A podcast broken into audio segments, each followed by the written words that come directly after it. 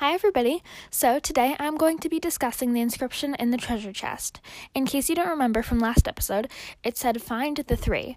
The first thing that I guessed when I read it was the three towers, but then I remembered that there was a fourth tower. But if the inscription was made by the Aces, then they might know that way back when we were first going to the towers, I thought that there were only three. And since my parents and the Aces seem to keep in touch, they might have told. Now, I can't think of anything else that there's three of in this mystery, so that's my guess. Let's just say that I am right, and the inscription does mean the towers. Should I go? Personally, I think I should. Like I said a few episodes ago, I think that the aces planted the treasure chest since the jokers were deliberately trying to keep me away from the gold. So why would they want to give me clues that led me straight to it? And since we've established in the past few months that the aces are good, I don't see any reason why I shouldn't go.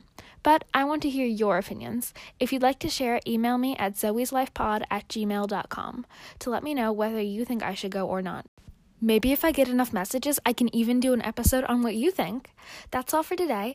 Until next time, I'm Zoe, and this is my life on lockdown.